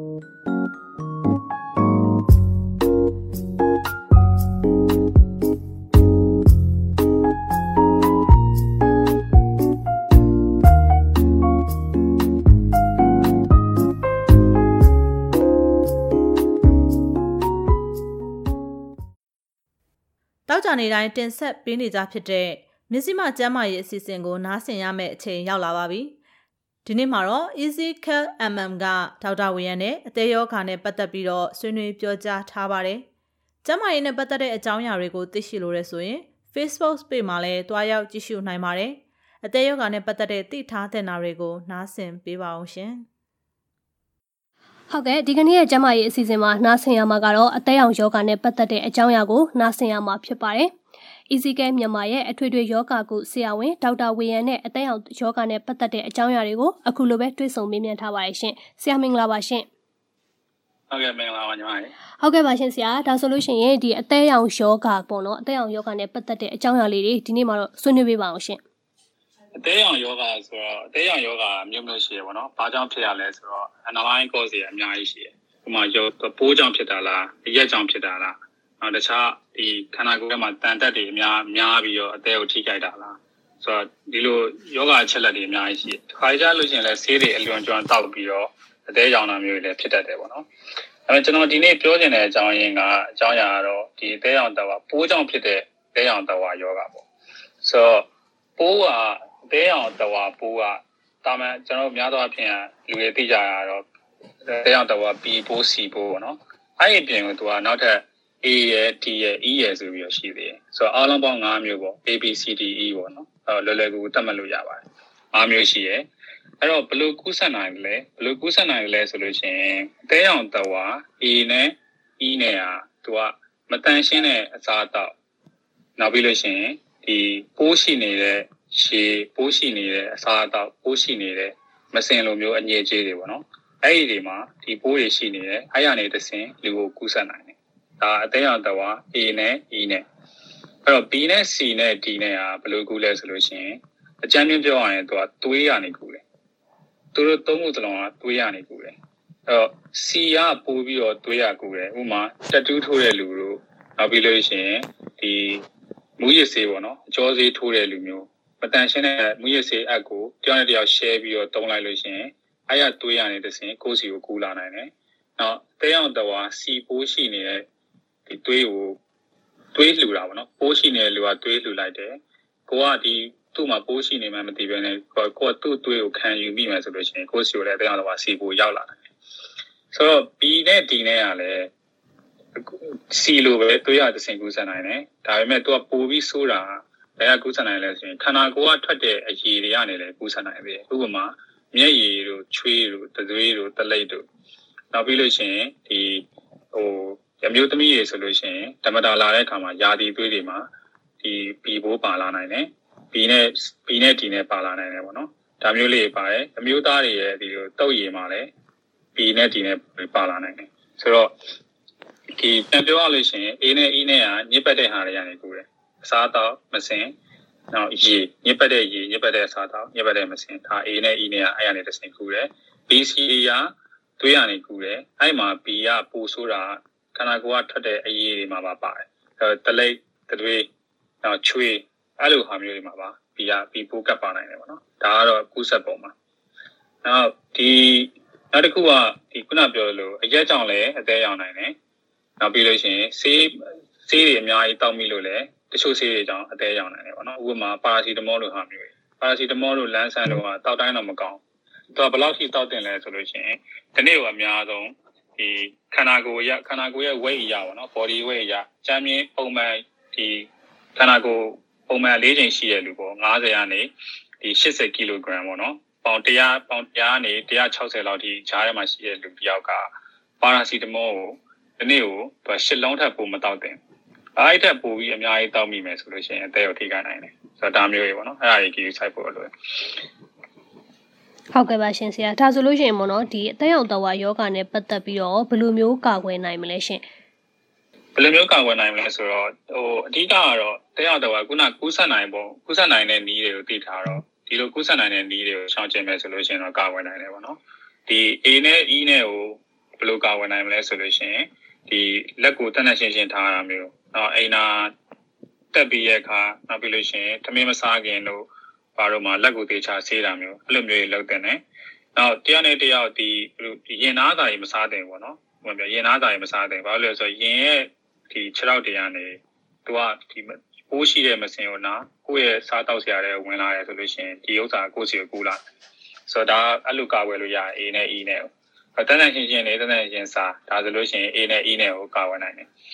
ဆိုတော့ BCD ကဘယ်လိုကာဝယ်နိုင်လဲဆိုလို့ရှိရင်တလိပ်တို့သွေးတို့ဒီဟိုသွေးကိုဒီဆေးထိုးတဲ့လူဆိုလို့ရှိရင်လည်းသိရမလားဒီမထိုးတာမထိုးတာတော့အကောင်းဆုံးပဲပေါ့နော်မူရဆေးထိုးတာဆိုတာမထိုးတာတော့အကောင်းဆုံးပဲတရားနဲ့တရားအက်ကို share မလုပ်နဲ့ပေါ့ဆေးဆေးထိုးရတဲ့ share မလုပ်နဲ့ပေါ့နော်နောက်ပြီးလို့ရှိရင်သွားတိုက်ဆေးတို့တပုတ်တန်တို့ ဒီအတုံးဆောင်ပစ္စည်းတို့ပကံခွက်ရောက်တို့ဒါတွေကိုတရားနဲ့တရား share မလုပ်ပဲနဲ့ပိုးရှိနေတဲ့လူဆိုလို့ရှိရင်ကိုယ့်အကူတီးတန့်သုံးပေါ့နော်ကိုမိသားစုနဲ့ကိုကလေးတွေနဲ့ဒီလိုစားရောရောနှောပြီးတော့မသုံးသင့်ဘူးပေါ့။နောက်သွေးသွင်းတာခံယူမယ်ဆိုလို့ရှိရင်လည်းအခုနောက်ပိုင်းကတော့ကျွန်တော်တို့ဒီဆေးရုံတွေမှာအကုန်လုံးကဒီယောဂပိုးရှိမရှိကိုစစ်တယ်အတဲအောင်တော့ဘီဘိုးစီဘိုး HIV ရှိမရှိစစ်ပြီးမှသာလူနာကိုဒီသွေးကိုတေး သွင်းတယ်ပေါ့နော်အဲ့တော့သွေးတင်တာကတော့စိတ်ချရပါတယ်များသောအားဖြင့်ကတော့အခုလောလောဆယ်မှာဒါပေမဲ့ကိုယ့်အကိုကာဝယ်လို့ရတာတလိပ်တို့သွေးတို့ဒါတွေကိုဟိုကိုယ်နဲ့နီးနီးကပ်ကပ်မရှိစေဘဲနဲ့အထီးတွေမရှိသေးဘူးเนาะမထီးတွေပဲနေပေါ့တနိုင်သလားနောက်ပြီးလို့ရှင်ဘာတွေလုပ်လို့ရလဲဆိုလို့ရှင်ဒီအသုံးဆောင်ပစ္စည်းတွေခွဲခြားပြီးတော့ကြောင်ကြောင် share မလုပ်ဘဲနဲ့ဒီသုံးတာတွေဒါတွေလုပ်လို့ရတယ် ဟုတ်ကဲ့ပါရှင်ဆရာတကယ်လို့များပေါ့နော်ကို့မှာအသက်အောင်တော်ဝါယောဂရှိလာပြီပဲထားပါတော့အဲ့ကြလို့ရှင်ဘာတွေစပြီးတော့လှုပ်ဆောင်တင်ပြီလဲရှင်အခြားသူတွေကိုလည်းမကူအောင်လို့ပေါ့နော်ဟုတ်ဘယ်လိုမျိုးနီးလန်းတွေကိုစနစ်တကျလှုပ်ဆောင်သွားတင်လဲရှင်တဲအောင်တဝါပိုးကဥမာပိုးကိုခန္ဓာကိုယ်ရဲ့ကိုစဝင်ပြီဆိုလို့ရှိရင်သူ virus ပိုးရဲ့ထုံးစံတိုင်းကိုလက်မဲ့အိမ်သာဖြစ်မယ်။ငွေ့ငွေလေးဖြားမယ်။နောက်ပြီးလို့ရှိရင်ဒီ ဒီခြေလက်တွေကိုက်ခဲမယ်ပေါ့နော်။အကျိုးတွေအယိုးဟိုအယိုးတွေကိုက်မယ်အသားတွေကိုက်မယ်။နောက်ဒုတိယတစ်ဆင့်ကဘာဖြစ်လာလဲဆိုလို့ရှိရင်တွေးထဲမှာဒီ virus ပိုးရဲ့အရေးအတွက်များလာတယ်ပေါ့။အဲဒီ virus ပိုးတွေကအသေးကိုရောက်မယ်။အဲဒီအချိန်မှာအသေးပျက်စီးပြီးတော့တဲရဘီလီရူဘင်ဆိုတဲ့ဟာမျိုးထွက်လာတယ်အဲ့ပီလီရူပင်ကြောင့်မျက်လုံးတွေဝါတယ်အသားတွေဝါလာတယ်ပေါ့နော် နောက်စီးတွေပါဟိုအနီအောင်တန်းလာတာမျိုးတွေအဲ့ဒါမျိုးတွေဖြစ်တတ်တယ်ပေါ့ဆိုတော့အဲ့လိုလက္ခဏာတွေစပြီးတော့ပေါ်ပြီးပေါ့နော်စပြီးပေါ်ပြီးဆိုလို့ဆိုတာနဲ့အဓိကကတော့ဒီဆရာဝန်နဲ့တိုင်ပင်တာအကောင်းဆုံးပဲဘာဖြစ်လို့လဲဆိုတော့ကိုယ့်ရဲ့အသက်ဘယ်လောက်ပျက်စီးနေလဲနောက်ဒီဘယ်လောက်ထိဆိုးသွားနိုင်လဲဆိုတာကိုတွေးနေစေရတယ်စီးရစေရတယ်ပေါ့နော်ဆိုတော့အဲ့ပေါ်မူတည်ပြီးတော့ဆရာဝန်ကဘာဆေးထိုးဖို့လိုမလဲဘာဆေးတောက်ဖို့လိုမလဲဘယ်ပိုးဖြစ်နေရတယ်ပေါ့နော်ဒါပေါ်မူတည်ပြီးတော့ဒီကုသကုသမှုကိုညွှန်ကြားပေးလို့ရတယ်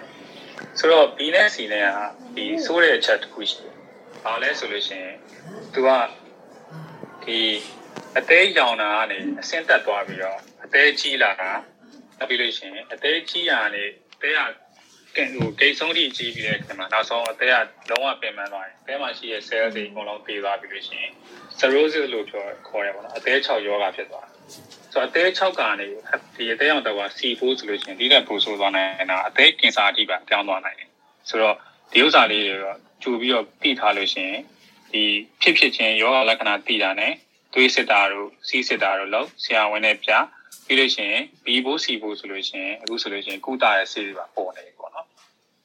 ဆိုတော့အသေး6တာအသေးကင်ဆာဖြစ်တာကိုပါကာကွယ်သွားနိုင်တယ်ဆိုရင်ဟုတ်ကဲ့ပါဆရာဟိုနောက်တစ်ခုကဆရာဒီလိုမျိုးပေါ့နော်အသက်အောင်တော့ဟာယောဂဖြစ်တယ်ပေါ့နော်အခုနဆရာပြောသူရေတွေဘာတွေကြောင့်လဲဖြစ်နိုင်တယ်ဒီ virus ပိုးကြောင့်လည်းဖြစ်နိုင်တယ်ဆိုတော့ဒီတစ်ခုရှိတာကဝေးလံခေါင်ပြားတဲ့အရက်ဒေတာတွေမှာဆိုရင်ဒီဆရာဝန်ရဲ့ဒီ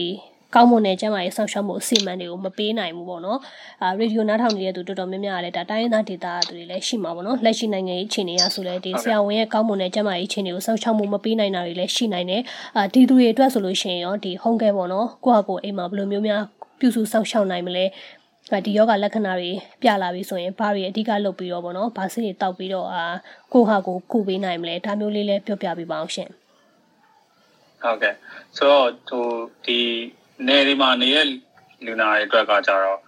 ကို့မှာတဲအောင်တက်ဝါဘာပိုးရှိနေလဲဆိုတော့လက်ကူနဲ့တော့သိမှာမဟုတ်ဘူးပေါ့နော်ဘာဖြစ်လဲဆိုတော့နေမကောင်းဖျားလာတယ်အသားတွေဝါလာတယ်ဒီလောက်ပဲသိမှာအဲ့တော့အသားဝါလာတယ်ဆိုရင်ဖြစ်နိုင်တာပြန်စဉ်းစားလိုက်ပေါ့နော်ပိုးကြောင့်ဖြစ်တာလားပေါ့ကိုကဒီလွန်ခဲ့တဲ့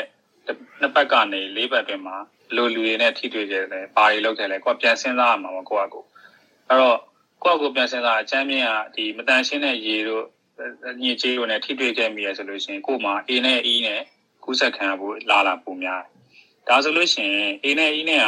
တာမန်အဖြစ်လက္ခဏာအပျော်သားတွေပဲဖြစ်တာကိုလက်မဲ့ E မသားဖြစ်မယ်ဝင်းလျှော့မယ်နောက်ပြီးလို့ရှိရင်ဒီနှုံးမယ်ကြိုက်မယ်ပေါ့နော်ဟိုညောင်းညာကြိုက်ချင်မယ်ဒီလောက်ပဲအမှန်အဖြစ်သူကနှစ်ပတ်ကနေလေးပတ်တွင်ဆိုလို့ရှိရင်ဒီအတော့အတော့ဖြစ်ပြီးတော့နှစ်ပတ်ကနေလေးပတ်တွင်ဆိုလို့ရှိရင် သူကဒီယောဂလက္ခဏာပြန်ပြောက်သွားတာတက်တာပါအများဆိုတော့တလကျော်သွားတဲ့အခါမှာယောဂသူ့ကိုယ်သူခန္ဓာကိုယ်ကသူ့ကိုယ်သူယောဂကိုတိုက်ထုတ်သွားနိုင်တာရှိတယ်ဆိုတော့ဒီယောဂအသားဝါပြီဆိုတာ ਨੇ သားဝါပြီနောက်နှစ်ပတ်အတွင်းဟာသူများကိုကူးဆက်နိုင်တဲ့လာလာရအရင်များအဲ့တော့သားဝါပြီရဲ့လူကတဝါရှိနေတဲ့လူပေါ့နော်ကိုကိုကိုအေလို့ပြီးလို့ယူဆထားရဆိုလို့ရှိရင်အတဝါရှိနေတဲ့လူကသူကဒီအတုံးဆောင်ပစ္စည်းအကန့်အတုံးဆောင်ပစ္စည်းသူများရဲ့ ਨੇ တူတူတောင်းလို့မရအောင်ပြီးကိုယ်အညစ်အကြေးဆွန့်နေဆိုလို့ရှိရင်လည်းအညစ်အကြေးကိုတောတဲ့တွေတို့အိမ်နာတွေတို့ရင်လုံးအိမ်နာတို့သွားရင်တော့အကောင်းဆုံးပေါ့နော်တောထဲမှာသွားလို့ရှိရင်ကိုယ်အညစ်အကြေးကိုတေးသေးချာချာဒီဒီပြေးကြီးနဲ့ပြန်ပြီးတော့အုပ်ခဲရမလို့ဒါတွေလုပ်တဲ့ပြီးလက်တွေပါတေးချာစေးတဲ့ပေါ့နော်အစားတော့မစားခင်မှာလည်းလက်တွေစေးတဲ့ဒီဒီဥစ္စာတွေကတော့ဒီတကိုယ်တန်ရှင်းရေးပေါ့နော်ဒါတွေကတော့လုပ်တဲ့တကိုယ်တန်ရှင်းရေးရှိတယ်ရှိနေတဲ့ရွေကအတဲအောင်တော့အေးနဲ့အီးနဲ့မကူးဆက်နိုင်ဟုတ်ပြီ ကို့မှာတဝါရှိလာဒါခုနပြောတာ A နဲ့ E နဲ့ပေါ့နော်ကို့မှာတဝါရှိလာတယ်ဒါဆိုလို့ရှိရင်ခုနပြန်ပြန်ပြီးတော့ကောက်လာလွန်ခဲ့တဲ့နှစ်ပတ်ကနေလေးပတ်တွင်မှာကိုပါလောက်ခဲ့တယ်ဥပမာတဝါယောဂပိုးရှိနေတဲ့လူ B ပိုး C ပိုး confirm ဖြစ်ထားတဲ့လူနဲ့ထိတွေ့ခဲ့မိလားတွေးတွေသူ့တွေးတွေနဲ့ကိုယ်တွေးတွေနဲ့ထိမိသလားနောက်ပြီးလို့ရှိရင်သူ့ရဲ့ဒီသဘောတန်ကိုကယူသုံးမိသလားဆိုတော့ဒါမျိုးကိုပြန်စဉ်းစားပါတော့ဒါဆိုလို့ရှိရင်ကို့မှာရော hepatitis ဒီအသေးအတဝါ B ပိုး C ပိုးကူးစက်နိုင်တယ်ရှိလာပြီလားပေါ့နော် တော့ရှိလာပြီဆိုလို့ရှိရင် B နဲ့ C နဲ့ကတော့မလုပ်ဖို့လိုလဲဆိုဆရာဝန်နဲ့ပြနိုင်အကောင်းဆုံးပဲဆိုတော့ B ရဲ့ကောင်းတဲ့ချက်ကပထမ6ပတ်အတွင်းမှာ sorry ပထမ6လအတွင်းမှာ B ဘူးတော်တော်များများသူ့ကိုယ်သူပြန်ကောင်းသွားများတယ်ဒါပေမဲ့ဒီပြန်ကောင်းသွားနိုင်တဲ့အရေးအတွက်ကလည်းဒီ60ရာခိုင်နှုန်းလောက်ပဲရှိတယ်ဆို40ရာခိုင်နှုန်းလောက်ကပိုဆိုးသွားပြီးတော့တဲ6တဲ့တဲကင်ဆာဖြစ်သွားနိုင်တယ်ဆိုတော့ B ဘူး C ဘူးရှိရလို့ကိုကိုကိုတန်တရားဖြစ်တယ်ဆိုလို့ရှိရင်ဒီဆရာဝန်နဲ့ပြပြီးတော့တွေးစစ်ပြီးတော့ကုသမှုခံယူတာကိုယ့်အတွက်အကောင်းဆုံးဆိုတော့အဲ့ဒါလေးတော့ကြံပေးပြပါစေဒီတော့ကိုကဒီလိုဒီတောမှာရောက်နေနေမှာရောက်နေမကုသနိုင်ဘူးဆိုလို့ရှိရင်လည်းဒီဆရာဝန်တွေဒီ online consultation ဆရာဝန်တွေရှိရပါတော့ကျွန်တော် easy care app လိုမျိုးဟာမျိုးလို့ဆိုလို့ရှိရင်လည်းအချိန်မေးမေးလို့ရတယ်ဆိုတော့ app ကို download လုပ်ထားပြီးတော့ on ဒီဒီ data ရတဲ့အခါပေါ့နော် online data ရတဲ့အခါမှာ ဒီ message ရိုက်ပြီးတော့ပို့လိုက်လို့ရပါတယ်ဆရာဝန်တွေစီကိုဒါဆိုလို့ရှိရင်ချိန်ပြေးမေးလို့ရတယ်ဒါမှမဟုတ်လို့ရှိရင် Facebook Messenger ကနေ Easy Care Messenger ကနေဒီဝင်ပြီးတော့မေးလို့ရတယ်အဲမှာချက်ချင်းဆရာဝန်တွေကသူတို့နဲ့ဒီသက်ဆိုင်ရာဆရာဝန်ကြီးတွေစီကိုတစ်ဆင့်ပြန်ပြီးတော့တွဲပေးသွားမှာပေါ့နော်ဆိုတော့အချိန်မီသိနိုင်တယ်ဆိုရင်ဘာဘာလုပ်တင်တယ်ဘယ်နားမှာအနည်းဆုံးဘယ်စေကန်ရှိရဘယ်သွေးဖောက်တဲ့နေရာရှိတယ်ဆိုတာကိုကျွန်တော်တို့အကြံပေးနိုင်တယ်ပေါ့ဒါဆိုလို့ရှိရင်တော့ကိုယ့်အတွက်ဟို ကာကွယ်နိုင်တယ်ပေါ့နော်ဘာလို့လို့ရှိရင်ဒီအသေးအောင်တော့ပြီးဖို့စီဖို့ကအခက်မသိလို့ရှိရင်အသေးကင်ဆာဒီပြောင်းသွားနိုင်တယ်ပေါ့နော်စီဖို့ဆိုရင်ပို့ဆိုတယ်ပေါ့ဒီအသက်အောင်တော့အဲ့လိုမျိုးဒီဖြစ်တဲ့အသားတွေဝါလာပြီဆိုအချို့တွေကအစားမစားခိုင်းတော့တာတို့ဒါမျိုးတွေလည်းဖြစ်တာကိုတွေ့ရတယ်တကယ်လည်းအဲ့လိုမျိုးအစားမစားပဲနေရတာလားပြီးတော့ဘယ်လိုမျိုးပေါ့နော်ဖြစ်ဆက်စာတွေစားရမလဲဘယ်လိုစားတောက်တွေစားရမလဲဒါမျိုးလေးလည်းသိကြပါတယ်အဲဒီ state အဓိကရှောင်ရန်ကဘာရှောင်ရမလဲဆိုတော့အသေးထိခိုက်မဲ့ဟို အစားတော့ပေါ့နော်အသေးထိခိုက်မဲ့အစားတော့ဆိုရင်ဘာလဲဆိုလို့ရှိရင်အစီများတဲ့ဟာတွေတော့မစားသင့်အစီများတဲ့ဟာတွေမစားသင့်နောက်ငရုတ်သီးငရုတ်သီးမှာသူကအသေးအတွက်အစိတ်တောက်ဖြစ်စေနိုင်တဲ့မှုလေးပါတတ်တယ်ငရုတ်သီး6ပေါ့အသေးအသေးကငရုတ်သီး6လိုဟာမျိုးတွေမစားသင့်နောက်ပါရာစီတမောလိုအကြိုက်ပြောက်စီမတောက်သင့်ဒါအသေးအောင်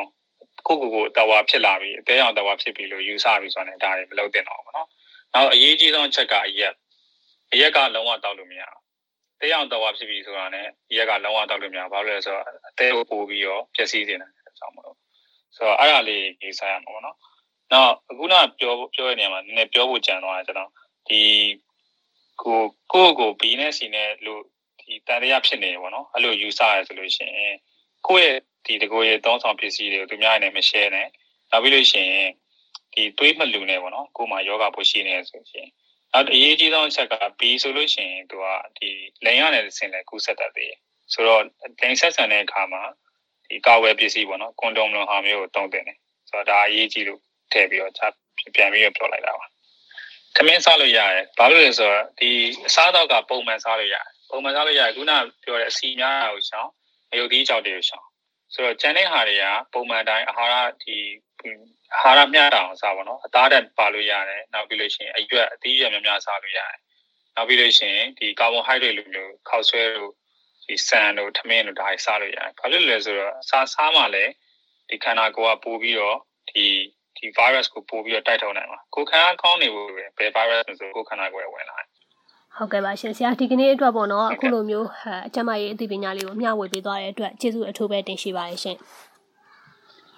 ဟုတ်ကဲ့ကျွန်မလည်းအများကြီးကျေးဇူးတင်ပါတယ်ခုလိုပြည်သားဝင်ရတဲ့အတွက်အများကြီးပါဟုတ်ကဲ့ပါရှင်တကယ်လို့များ online ကနေပြီးတော့ကိုယ့်ရဲ့မိသားစုဆရာဝန်လိုမျိုးကျန်းမာရေးနဲ့ပတ်သက်တဲ့အကြောင်းအရာတွေကိုသိရှိလို့လဲဆိုလို့ရှိရင်တော့မြစီမပရိသတ်တွေအနေနဲ့ဒီ Easy Care မြန်မာရဲ့ Facebook page ဖြစ်တဲ့ Easy Care MM မှာကိုယ့်ရဲ့သက်ဆိုင်ရာပေါ့နော်ဆရာဝန်တွေနဲ့တွေ့ဆုံဆွေးနွေးနိုင်ပြီလည်းဖြစ်ပါတယ်ဒါအပြင်ပေါ့နော်ကျန်းမာရေးနဲ့ပတ်သက်တဲ့အကြောင်းအရာတွေကိုသိရှိလို့လဲဆိုလို့ရှိရင်တော့ Spotify တို့ဘာလို့မှလည်းဒီ Easy Care ဆရာဝန်တွေရဲ့ကျန်းမာရေးနဲ့ပတ်သက်တဲ့ဝူတုဒတွေကိုလည်းနားဆင်နိုင်ပါပြီနောက်တစ်ခုကကိုယ့်ရဲ့ mobile phone တွေမှာ application အနေနဲ့ဆိုရင်တော့ Android phone တွေမှာ Easy Care မြန်မာ application ဆိုပြီးတော့ရှိပါတယ်ဒါလေးကို download လုပ်ပြီးတော့ဒီသက်ဆိုင်ရာဆရာဝန်တွေနဲ့တွေ့ဆုံဆွေးနွေးပြီးဒီ online ကနေပြီးတော့ counseling လုပ်နိုင်ပြီဆိုပြီးတော့လည်းအသိပေးပါရစေရှင်ဒီကနေ့အတွက်ကျန်းမာရေးအစီအစဉ်ကတော့ဒီလောက်ပါပဲရှင် ဒ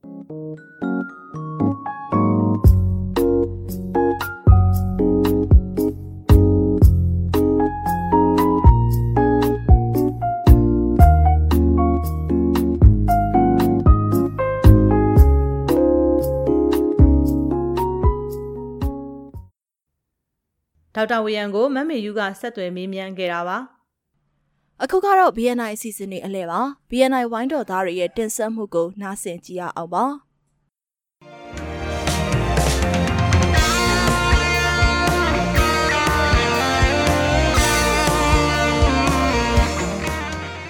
မင်္ဂလာပါရှင်နိုင်ငံတကာမြန်မာသတင်း BNI ရဲ့ဒီကနေ့ဒီဇင်ဘာလ24ရက်နေ့အတန်လွဲ့အစီအစဉ်တွေကိုစတင်နေပါပြီဒီအစီအစဉ်ကတော့တိုင်းသားဒေသတွေတဲကသတင်းတွေ တိုင်းသားတွေရဲ့အတန်နဲ့အမြင်တွေကိုစုစည်းတင်ဆက်ထားတာဖြစ်ပါတယ်။နေ့စဉ်မြန်မာစံတော်ချိန်ညနေ9:15မိနစ်ကနေ9:00ခွဲအထိလိုင်းတူ16မီတာ19.3 MHz မှာဖမ်းယူနားထောင်နိုင်ပါတယ်။ကျွန်မကအမီပါ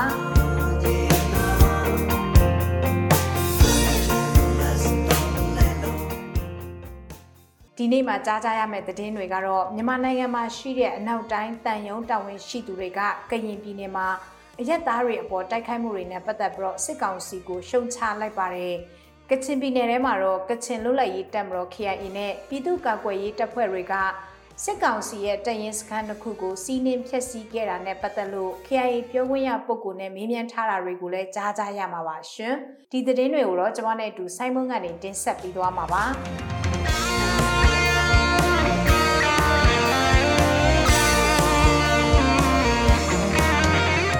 ရင်ပြည်နယ်အတွင်းစစ်ကောင်စီကအရက်သားပြည်သူတွေကိုလေကြောင်းကတိုက်ခိုက်တာနဲ့ပတ်သက်လို့မြန်မာနိုင်ငံခြေဆိုင်နိုင်ငံတကာတန်ယုံအကြီးအကဲတွေကဒီကနေ့ဒီဇင်ဘာ24ရက်နေ့ပူးတွဲကြေညာချက်ထုတ်ပြန်ပြီးတော့ရှုတ်ချလိုက်ပါတယ်။အဲ့ဒီထုတ်ပြန်ကြေညာချက်ကိုဩစတြေးလျကနေဒါမြန်မာနိုင်ငံဆိုင်ရာဥရောပသမဂ္ဂတန်ယုံနဲ့ဥရောပသမဂ္ဂအဖွဲ့ဝင်နိုင်ငံ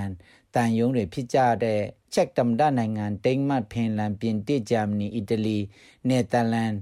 စပိန်နဲ့ဆွီဒင်နိုင်ငံတွေအပြင်နယူးဇီလန်နော်ဝေးဆွစ်ဇာလန် UK နဲ့အမေရိကန်နိုင်ငံတို့ကမြန်မာနိုင်ငံဆိုင်ရာတာမတ်ကြီးတွေ တန်ယုံရည်တာဝန်ခံတွေနဲ့တန်ယုံအကြီးအကဲတွေကပူးပေါင်းလက်မှတ်ထိုးထားတာဖြစ်တယ်လို့တန်ယုံတွေရဲ့ Facebook စာမျက်နှာတွေမှာဖော်ပြထားပါတယ်။မကြသေးမီကကရင်ပြည်နယ်အတွင်းရှိကျေးရွာတွေကိုလက်နက်ကြီးတွေနဲ့ပစ်ခတ်ခြင်းအပါအဝင်အရက်သားပြည်သူတွေအပေါ်တိုက်ခိုက်မှုတွေဟာနိုင်ငံတကာလူသားချင်းစာနာထောက်ထားမှုဆိုင်ရာဥပဒေကိုချိုးဖောက်နေခြင်းတာဖြစ်ပြီးအဲ့လိုလုပ်နေတာကိုရပ်တန့်ရမယ်လို့တန်ယုံအကြီးအကဲတွေကပြောပါတယ်။ဒီဇင်ဘာ23ရက်နေ့ညက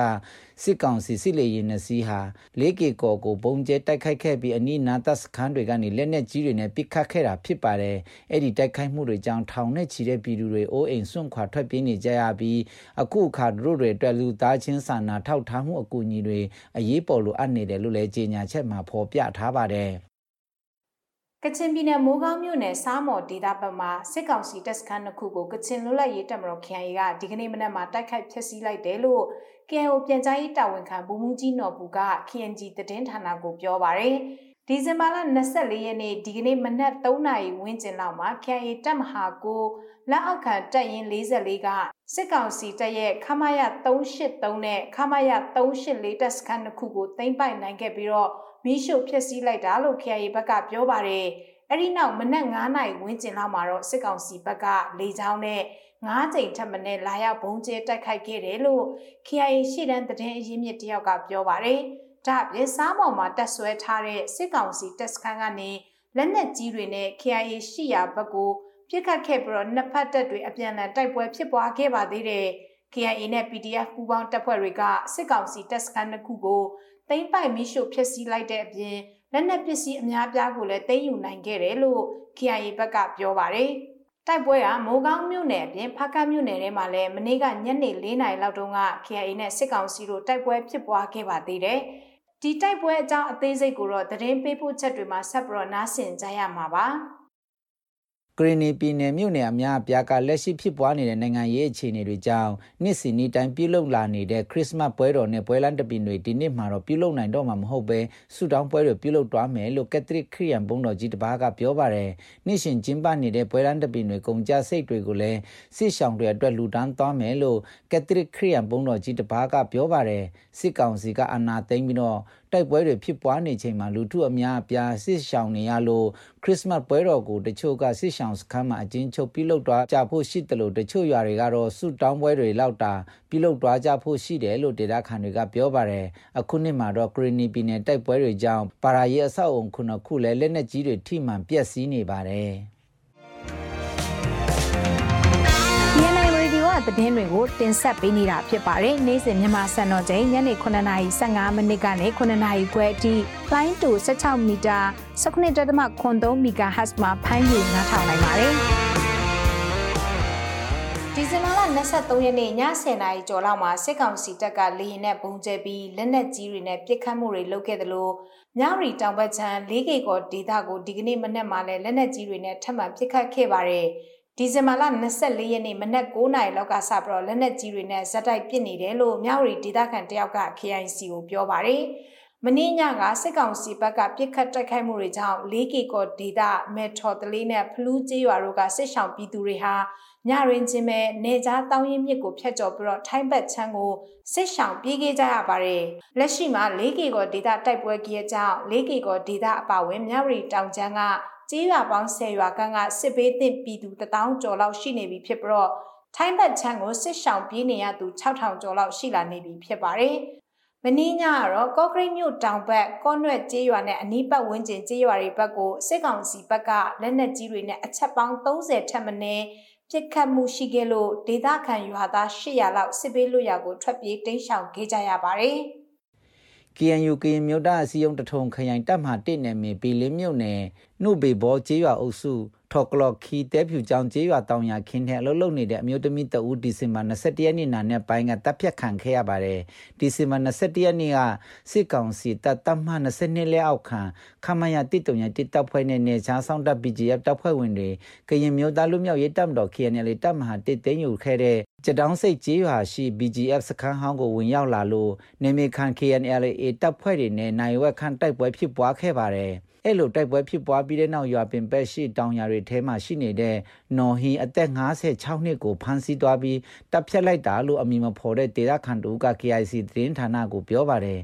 ထော်ကလော့ခီကျေးရွာသူနော်ဟီကိုတပ်ဖြတ်ခဲ့တဲ့စစ်ကောင်စီတပ်ဖွဲ့နဲ့ BGF တပ်ဖွဲ့ဝင်တွေလက်ရှိအချိန်ထိစတောင်းစိတ်ကျေးရွာမှာပဲတပ်ဆွဲထားတယ်လို့ဒေတာခန်ရွာသားတွေကပြောပါတယ်။ကရင်ပြည်နယ်အတွင်းလူခွင့်ရေးချိုးဖောက်နေတာတွေမှတမ်းပြုစုနေတဲ့ကရင်လူခွင့်ရေးအဖွဲ့ KHRG ကဒီဇင်ဘာ23ရက်နေ့တင်းထုတ်ပြန်ချက်အရခင်ပွန်းဖြစ်သူနဲ့အတူအလုပ်လုပ်နေတဲ့နော်ဟီကိုစစ်ကောင်စီတပ်ကဖမ်းဆီးရမိလို့ညင်ပန်းနှိပ်စက်တာတွေလှုပ်ဆောင်ပြီးတပ်ဖြတ်သွားတာလို့ဖော်ပြထားပါတယ်။ ရှမ်းပြည်နယ်တောင်ပိုင်းတောင်ကြီးမြို့နယ်ရွှေညောင်မြို့မှာရှိတဲ့စတင်ကျောင်းတချို့မှာတော့ကျောင်းသားမိဘတွေကအလဲကျကင်းဆောင်နေရတယ်လို့ရှမ်းတန်တော်စင်သတင်းဌာနကိုပြောပါရယ်ရွှေညောင်မြို့အတွင်းကအမတ်ကိုအထက်တန်းကျောင်းနဲ့တခြားအလကကျောင်းတွေမှာကျောင်းတက်နေတဲ့ကျောင်းသားတွေရဲ့မိဘတွေကိုကျောင်းသားတွေရဲ့လုံခြုံရေးအတွက်ဆိုတဲ့အကြောင်းပြချက်နဲ့အလဲကျကင်းဆောင်ဖို့မြို့နယ်အာဏာပိုင်တွေကညွှန်ကြားထားတယ်လို့ဒေသခံတွေကပြောပါရယ် အမတ်ကိုအထက်ကကျောင်းအပြင်ရွှေညောင်မြို့မှာရှိတဲ့မြစ်သက်ကျောင်းလို့အများကခေါ်ဆိုကြတဲ့အမတ်နဲ့အလကကျောင်းမှာလည်းပြီးခဲ့တဲ့ဒီဇင်ဘာလ20ရက်နေ့ကစတင်ပြီးတော့ကျောင်းသားမိဘတွေကကျောင်းဂိတ်ပေါက်တွေမှာလုံခြုံရေးအတွက်ကျောင်းတက်တဲ့နေ့တိုင်းကင်းဆောင်ပေးနေကြရပါတယ်စစ်ကောင်စီရဲ့ညွှန်ကြားနှိုးဆော်ချက်တွေကြောင့်နိုင်ငံရေးမငြိမ်မသက်မှုတွေကြားကရွှေညောင်မြို့အတွင်းမှာရှိတဲ့ကျောင်းသားတချို့က COVID-19 ကာကွယ်ဆေးထိုးပြီးကျောင်းတက်နေကြရတာဖြစ်ပါတယ်။ အဲ့ဒီចောင်းသားတွေရဲ့မိဘတွေကအခုခါမှာတော့ចောင်းတွေမှာလိုက်ပြီးတော့ကင်းဆောင်ပေးနေကြရတာဖြစ်ပါတယ်ရှင်။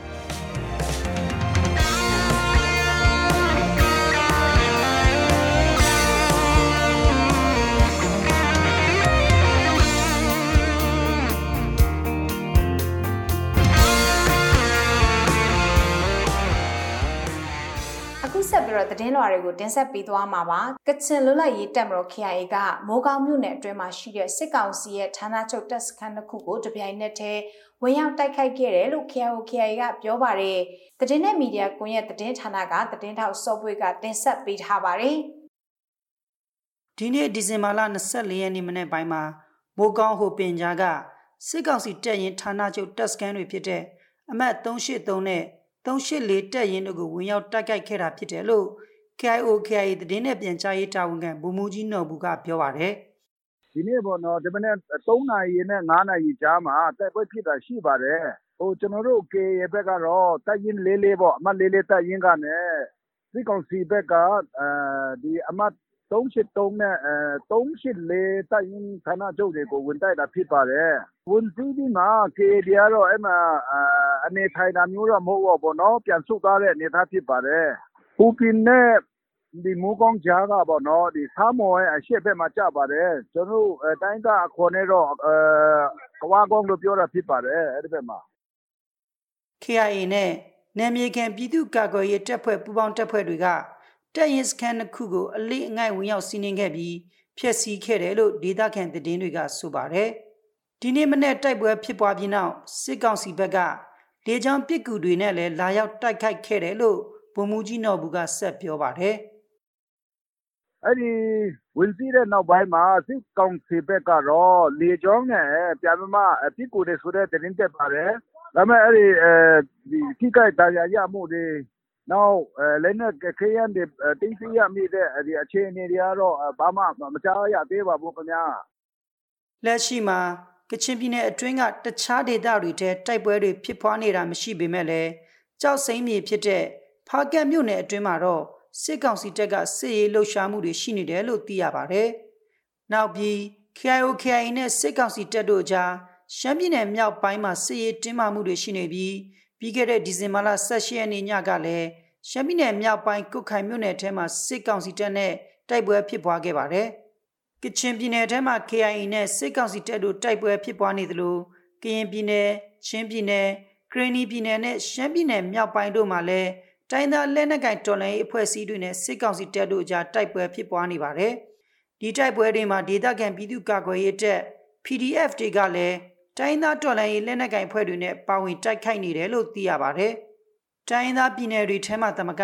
တိုင်းဒေသကြီးတော်တော်များများမှာလည်းစစ်တပ်ကအာဏာသိမ်းပြီးနောက်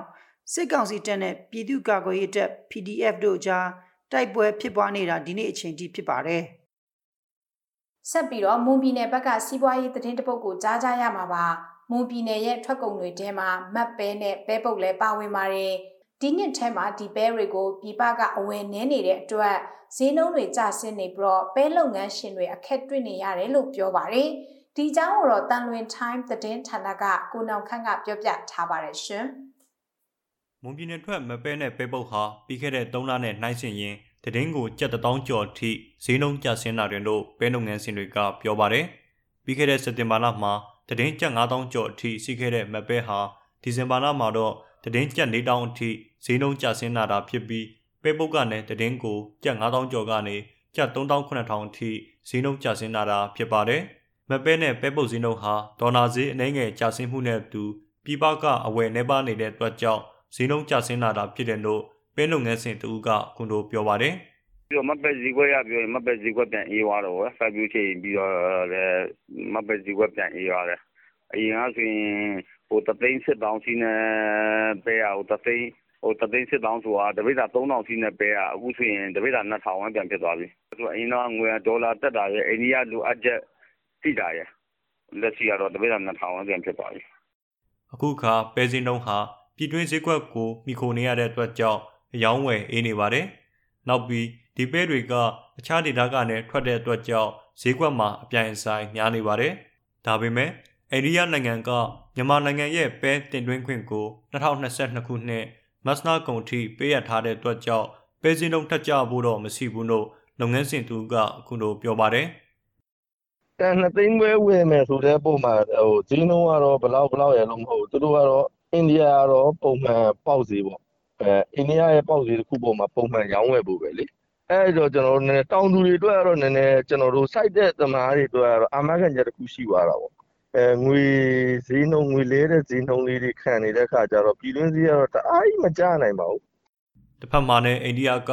ကိုတာနဲ့တင်သွင်းရတဲ့စနစ်ကိုဖျက်သိမ်းထားတဲ့အတွက်နိုးတနိုးတင်ပို့နိုင်တာဖြစ်ပါတယ်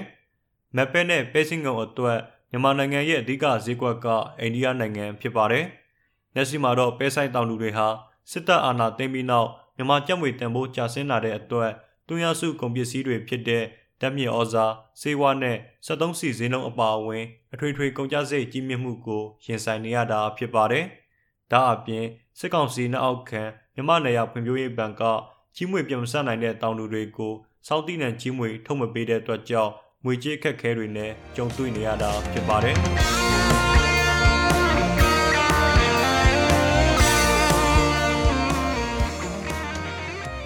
နားဆင်ခဲ့ကြရတာကတော့ BNI Radio ကနေ့စဉ်သတင်းအစီအစဉ်ပဲဖြစ်ပါတယ်ဒီအစီအစဉ်ကိုနေ့စဉ်မြန်မာစံတော်ချိန်ညနေ9:15မိနစ်ကနေ9:00ခွဲအထိ15မိနစ်ကြာထုတ်လွှင့်နေတာဖြစ်ပါတယ်။နားဆင်ပေးတဲ့အတွက်ကျေးဇူးတင်ပါတယ်ရှင်။ကျွန်မကအမီပါ။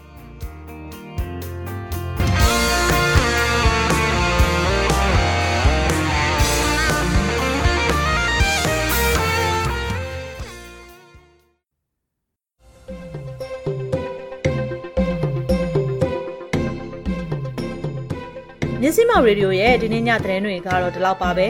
မြန်မာနိုင်ငံသူနိုင်ငံသားအပေါင်းဆရာနာရှင်ဘေးကနေကင်းဝေးပြီးတော့ကိုယ်စိတ်နှစ်ပါးကျန်းမာချမ်းသာကြပါစေလို့မြစည်းမောင်ရေဒီယိုဖွဲ့သားတွေကဆုတောင်းမေတ္တာပို့လိုက်ရပါတယ်မြန်မာပြည်သူတွေနဲ့အတူရက်တည်မယ်မြစည်းမောင်ရေဒီယိုပဲဖြစ်ပါတယ်နားဆင်ကြကြသူတွေအားလုံးကျန်းမာကြပါစေရှင်